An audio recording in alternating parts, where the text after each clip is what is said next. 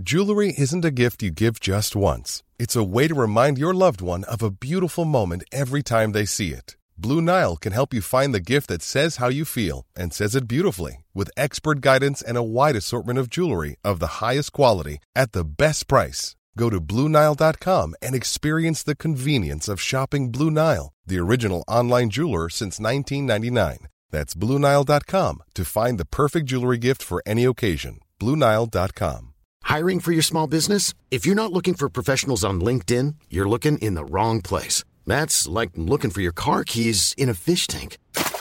LinkedIn helps you hire professionals you can't find anywhere else, even those who aren't actively searching for a new job but might be open to the perfect role. In a given month, over 70% of LinkedIn users don't even visit other leading job sites. So start looking in the right place. With LinkedIn, you can hire professionals like a professional. Post your free job on linkedin.com slash people today.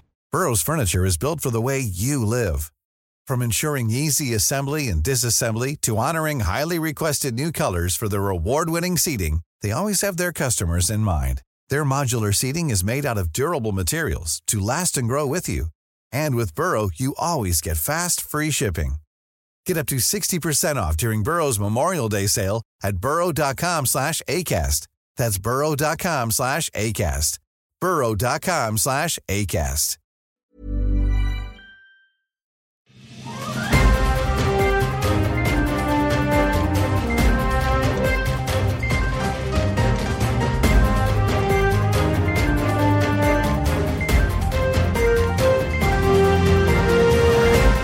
Det här är Statsmannen Podcast med mig Henning Svedberg som redaktör och som ständig gäst har vi Kai Rämö med insikt djupare än Danziger Gatt. Tjena Kai! Tjenare Henning! Hur är läget? Jo tack, det är alldeles utmärkt. Eh, eh, det är ju helg nu så att... Jajamän, det är det. Hör du, vi hoppar på på en gång här. Eh, regeringen släppte i onsdags utrikesdeklarationen. Ja. Det hade du synpunkter på? Ja, eh, utrikesdeklarationen förklarar ju egentligen både för det svenska folket och andra nationer vad Sverige har för ambitioner inom utrikesområdet. Så Mm. att eh, ja, det finns saker där som är väldigt bra men eh, det finns saker som visar att eh, Moderaterna inte är ett blått utan ett rosa parti. Då. Så att eh, det finns kvar en hel del socialdemokratiska arv i den där utrikesdeklarationen som man kan ifrågasätta. Mm, mm. Här säger väl regeringen att de vill fokusera utrikespolitiken på Norden och Baltikum, men det är väl egentligen bra grejer? Ja, det är ju en av de här bra sakerna för att ibland så har det känts som att eh, Sveriges utrikespolitik har varit mer och mer aktiv ju längre bort det är ifrån Sverige och det är väl eh, bra att vi faktiskt tydligt fokuserar på vårt närområde i dessa kris och krigs och orostider. Just. Och hur blir det då med eh, prioriteringen av Ukraina? Jo, det står faktiskt där att man ska prioritera Ukraina och eh, man säger ju bland annat att eh, Sverige har gett 30 miljarder kronor. Eh, och det är ju ganska mycket pengar, men det är ju inte så att vi har skänkt 30 miljarder till någon bank i Ukrainas, eh, till Ukrainas statskassa om jag säger så. Utan eh, det är ju i form av varor och materiel. Så att det är inte pengar som har skickats till Ukraina. Det här är ett van, det är en vanlig missuppfattning egentligen att eh, vi skickar stöd i form av pengar, men det mesta är materiel och sen är ju den materielen producerad i Sverige i regel. Så, eh, så att eh, det innebär i praktiken att mycket av biståndspengarna till Ukraina stannar i Sverige på ett eller annat sätt. Eller om vi skickar varor så kan vi också få ersättning från Europeiska unionen. Där ska jag ta ett exempel, det är att de 5000 hjälmarna som eh, skickades i början av kriget till Ukraina. De begärde Försvarsmakten 100 miljoner kronor av från EU. Så att så funkar det systemet. Eh, finns det någon aspekt i det här med att man inte skickar pengar till Ukraina, att det är korruption och sånt som ändå Ukraina har lite eh, i ryggsäcken att bära? Det här är ju ett sätt att skydda mot korruption egentligen genom att skicka materiel. Självklart kan man ju sälja en del Eh, saker på den civila marknaden om man stjäl grejer i Ukraina men det här är ju också ett sätt att eh, faktiskt legitimera utlandsstöd genom att eh, det i regel är svenska företag som faktiskt får betalt så att det betyder att eh, det förbättrar även den svenska bruttonationalprodukten genom att det är produktion i landet. Okej. Okay. Mm, -hmm. Regeringen här vill ju begränsa Rysslands strategiska handlingsmöjligheter militärt, ekonomiskt och politiskt. Är inte det där lite farligt? Det har vi egentligen gjort hela tiden efter, eh, egentligen redan från 2014 när ryssarna invaderade Krim, eller annekterade då. Så att eh, ja, teoretiskt sett är det farligt, men i praktiken så, ja, speciellt om vi kommer med i NATO så är det ju väldigt svårt att hota oss med några åtgärder och eh, vi har ju inte ett akut behov av eh, ryska produkter egentligen. Det är ju, när köpte du senast en rysk produkt? Ja, det var nog ett tag sedan. Mm. Det var det nog. eh, jag tror att jag köpte spelet eh, War Thunder. Det var den sista gången jag betalade ja. någonting till ett ryskt företag. Mm. Och det otroliga är att apropå eh, sånt, spel och datorspel, så kan man ju fundera på om man kan använda den typen av nätverksspel för underrättelseinhämtning. Och eh, sen har vi den andra intressanta aspekten, det är att det finns kanske lyssnare som har Kaspersky antivirus i sina datorer och eh, man ska nog ställa sig den retoriska frågan att vill du ha en PC hemma som uppdateras eh, ifrån Ryssland? Eh, nej. Nej, så det är kanske ett tips till lyssnarna då. Mm. Tillbaks till det här då. Det är nu sanktioner här mot Ryssland och Vitryssland. Eh, fungerar de egentligen? Ja, absolut. Eh, det minskar ju pengaflödet. Eh, självklart så finns det ju metoder att gå runt sanktionerna, men det är ju inte samma volymer så att det minskar ju ändå ekonomins storlek. Nu har ju ryska centralbanken gett ut information om att eh, det går minsann bra för rysk ekonomi och att den ökar. Mm. Men, men vi kan väl ställa oss frågan att är inte de rapporterna ungefär lika sanningsenliga som ryska nyheter om Ukraina-kriget? Mm, förmodligen. Mm. Mm. Om vi pratar EU här nu och Ukraina mm. så är ja. utvidgningen av Ukraina och Moldavien, är det, är det en provokation eller en bra idé? Jag tycker att i grunden är det en bra idé för att även om det finns saker som jag absolut inte tycker om när det gäller Europeiska unionen så att eh, få in eh, Ukraina och Moldavien in i den europeiska familjen i form av rättsstater och även då fri rörlighet och handel och allt det där. Det, det ser jag bara som positivt. Och Moldavien vill jag minnas är faktiskt eh, officiellt Europas fattigaste land. Mm. Så att eh, jag tror att för moldaverna så kommer ju, kommer ju det att bli ett enormt lyft. Eh, vi såg ju till exempel när polackerna kom in i EU så det var ju väldigt många polacker som tog chansen att ja, gå in på ett valfritt bygge i Sverige idag så är jag helt säker på att du hittar polacker där. Mm. Och det betyder ju att ja, de tjänar ju pengar här och skickar hem oftast bättre villkor än Polen, även om eh, vi ska vara ärliga och säga att en del har nog även missbrukats av ar ja, arbetsgivare som har kanske betalat för lite och inte avtalsenliga löner mm. och så vidare. Men, mm. Eh, men, i stort så tror jag att det, det är bra så tillvida att Moldavien och Ukraina hamnar i, ska vi säga, i en modern demokratisk rättsstats kon, äh, kontext egentligen. Mm. Jag tänker på, på nord-sydlig riktning så är kulturskillnaderna ganska stora inom EU. Då blir det väl rätt stora också på öst-västlig riktning här? Inte så stor skulle jag vilja påstå. Sen är det så att i och med att Ukraina och Moldavien har ju varit fattiga delar av Sovjetunionen så är ju folk ganska ambitiösa. Det, det räcker ju med att lyssna på radiointervju här. Det, det var eh, väl häromdagen så intervjuar de Eh, en eh, kvinna i radion och eh, hon hade varit i Sverige sex månader och jag kan säga att hennes svenska var ju bättre än många som har varit i Sverige från sex år men som då inte mm. kommer från Ukraina. Så mm. Det är både det och att de är arbetsvilliga. De vill jobba så att det är ingenting att Ja, de, de vill inte ligga på sofflocket och vänta på något eh, försörjningsstöd. De vill jobba. Och eh, det finns många ukrainare, ukrainare som har klarat sig väldigt bra i Sverige med arbete. Mm. Ja, men det handlar väl om att ställa klockan och uh, ha en bildningskultur. Det är det som gör en lätt integrerad. Absolut, det har du rätt i. Mm. Eh, Turkiet vill ju in i EU. Vad, vad skulle statsmannen säga om det? Ja, eh, nu kommer vi tillbaka till utrikesdeklarationen och där signalerar ju då utrikesministern att det är bra att det här arbetet har fortskridit och eh, ur mitt eget perspektiv så skulle det varit Kemal Atatürks Turkiet som ville in i EU så mm, skulle ja. det fungera väldigt bra. Ja. För Atatürk var ju väldigt mycket mot islam mm. överhuvudtaget och eh, han ville ha ett sekulärt samhälle. Och jag ser inte ett sekulärt Turkiet eller sekulära turkar som ett problem i EU överhuvudtaget. Nej.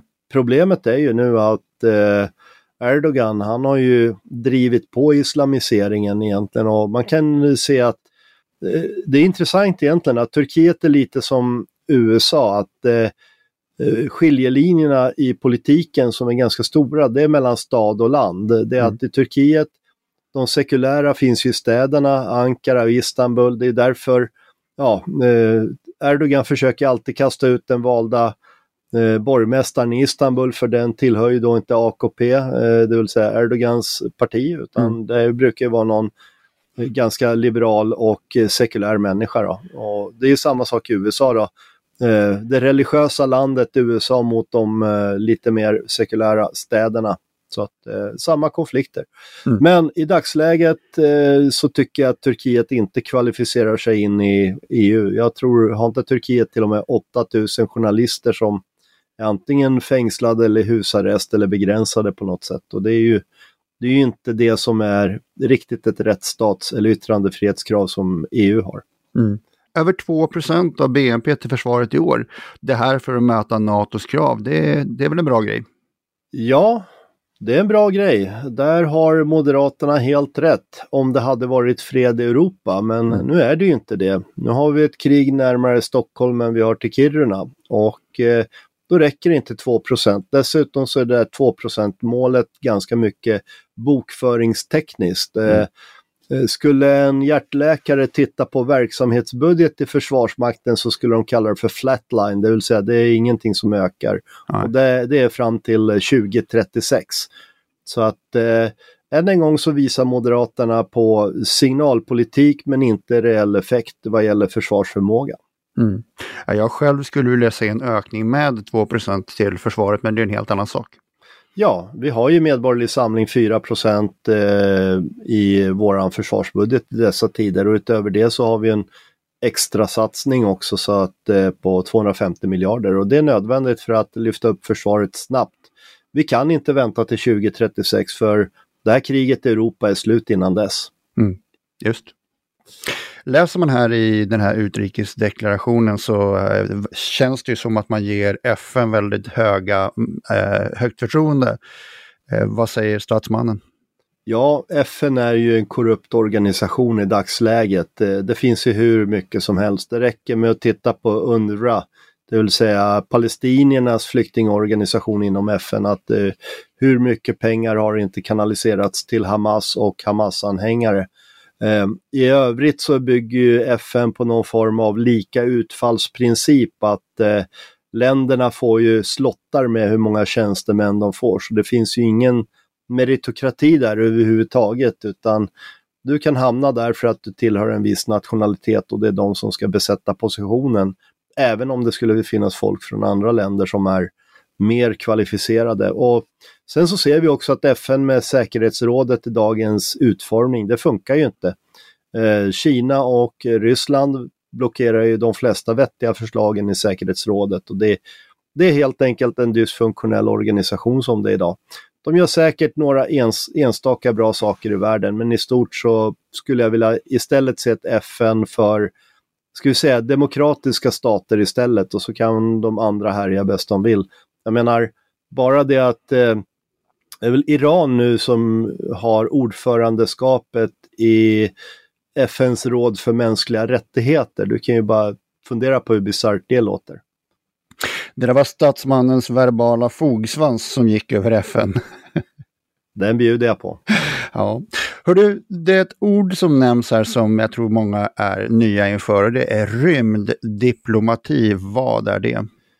Ja, det där är ju ett intressant begrepp och eh, rymddiplomati, eh, det är inte så att vi ska möta aliens eller kanske det finns där också, men eh, rymddiplomati handlar om eh, gemensamma avtal för hur man får nyttja och inte nyttja rymden. Mm. Ett av de mer berömda är ju att man får inte placera vapensystem i rymden. Eh, och eh, det, har ju, ja, det var ju nyheterna bara häromdagen också att det är ett rykte att Ryssland har något sådant projekt på gång att beväpna satelliter med kärnvapen eller något sånt där för att kunna verka mot andra länders eh, rymdförmågor. Och alla tycker att ja, men rymden är ju inte viktigt, men om du tittar på din mobiltelefon så dina eh, navigationshjälpmedel där i form av GPS, GLONASS och så vidare. Det är ju, och det är ju rym, rymdförmågor och börjar man förstöra satelliter där uppe då, då slutar din navigator i bilen att funka. Mm. Och det är faktiskt ganska talande för om vi tittar då på internationella eh, rymdstationen då, ISS, eh, där Marcus Wandt, vår svenska astronaut, var uppe senast. Så mm. det är ju ett projekt som fortfarande pågår där även Ryssland deltar. Så att eh, där finns det inga sanktioner och det är ju och det är väl kanske bra för att det är ju kapitalförstöring om man skulle lägga ner det där. Mm, mm, mm. Det kommer lite mer andra ord här som också är med där. Grön och digital omställning i utrikespolitiken. Vad är det? Om jag frågar dig Henning, låter inte det där som riktiga floskler? jo, det gör det. Ja, det är floskler och det här är ju någonting, där ser jag fortfarande påverkan från den förra regeringen eller eh, civila tjänstemän på UD. Eh, grön och digital omställning, vad är grönt? Jag menar, det tog ett bra tag innan någon kom på att ja, kärnkraft kanske skulle kunna vara grönt eftersom det blir inga CO2-utsläpp. Mm. Och eh, digital omställning, eh, Digital omställning kommer inte hjälpa äldrevården i något land. Digital omställning kommer inte hjälpa bönder så himla mycket i Afrika. Det finns ju andra saker som behöver göras. Så att det här känns ju som att vi var tvungna att få in en floskel för att göra miljöpartister och eh, andra lite mer nöjda. Mm.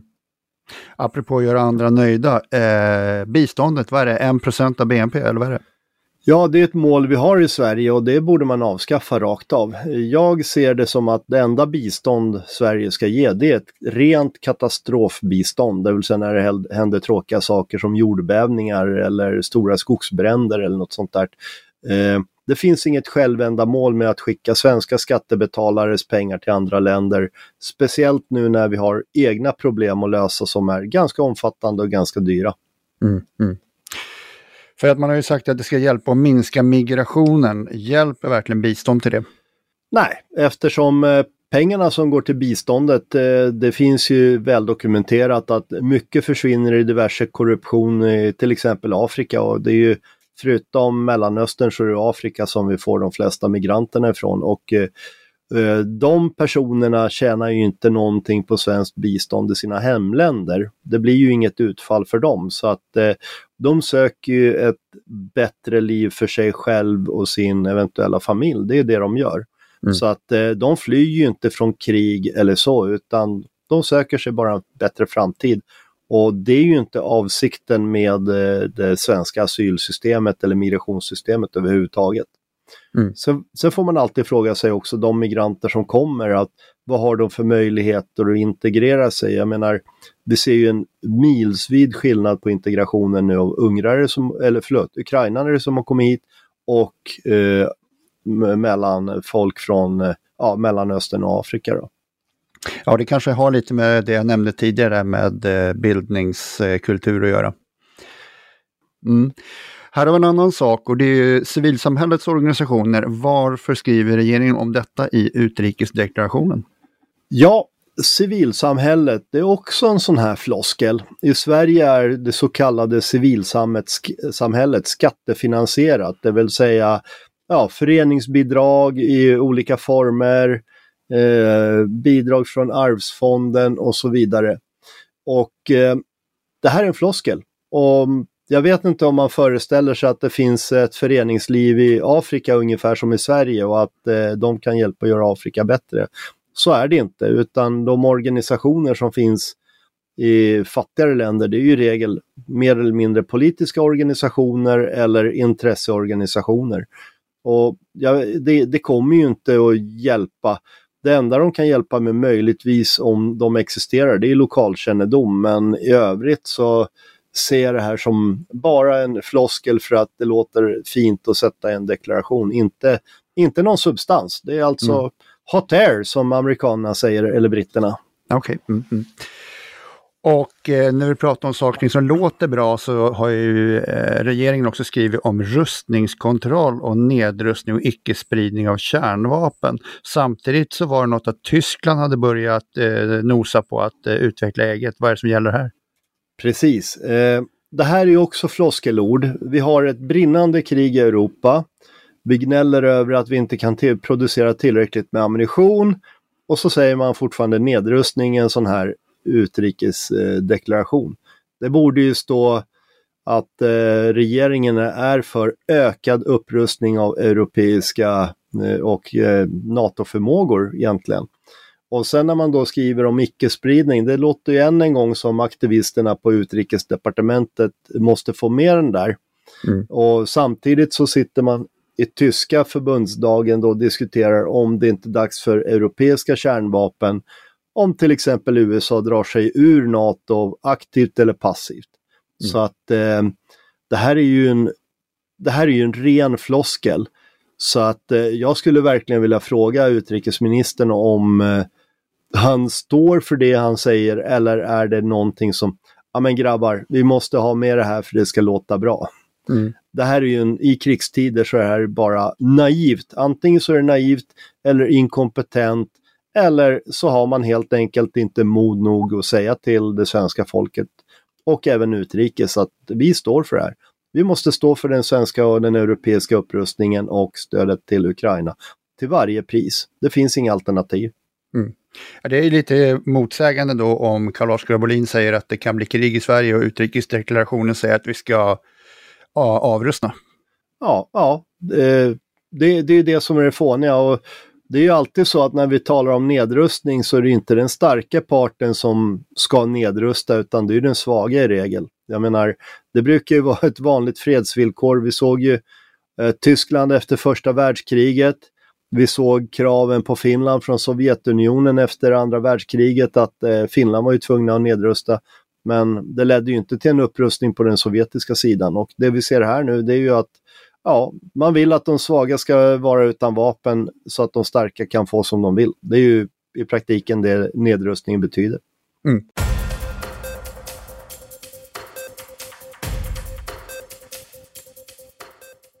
Jo, vi har en lyssnarfråga från Björn som undrar det här med att Trump i South Carolina sa att han inte ville stöd, eh, stödja länder militärt som inte själva uppfyller de krav som NATO ställer på dem. Vad säger statsmannen?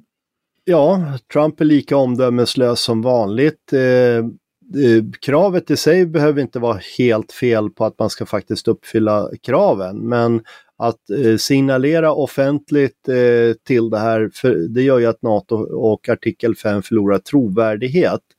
Och sen finns det ju länder som uh, uppnår klart över 2% Polen är väl uppe vid 4 och nosar. Mm. Och även de baltiska länderna ligger klart över 2% Och skulle då Trump säga att de hjälper vi men vi hjälper inte Tyskland. Mm. Men sett till volym och ekonomi så bidrar ju Tyskland ändå till väldigt mycket och speciellt med deras extra satsning på 100 miljarder euro Mm. Det är alltså en svensk statsbudget extra som de har lagt på sitt mm. försvar. Och sen tar ju uppbyggnad tid, det, det gör det och det får vi ha förståelse för. Och det är klart att det är viktigare att leverera prylar till Ukraina idag än att leverera till Tyskland till exempel, för det finns ju några länder emellan där. Mm. Så att eh, eh, frågan är berättigad, men jag tycker att eh, är man politiker så är det ansvarslöst att försvaga en allians där man är med i. Och sen tycker jag fortfarande att det värsta är ju att han sa ju att ja, de länder som inte betalar 2 av sin BNP till sitt försvar, ja de får Ryssland göra vad han vill med. Eh, det, det, är ju det är så juvenilt och barnsligt och ja, men tyvärr det som jag har sagt tidigare, USA har två dåliga presidenter som går till val och båda är 80 plus. Någonstans så tycker jag att gamla gubbar ska ge fan i politik och sitta på gungstolen. Ja. Och du lyssnare som nu känner att det kliar lite i pennan och har en lyssnarfråga så skriver ni på statsmannen gmail.com och skriver in din fråga till Kai så svarar han på den i podden. Absolut, det gör vi. Och med det Kai, tackar för idag. Tack ska du ha Henning och ha en Tack. trevlig helg. Samma, hej! Hej då!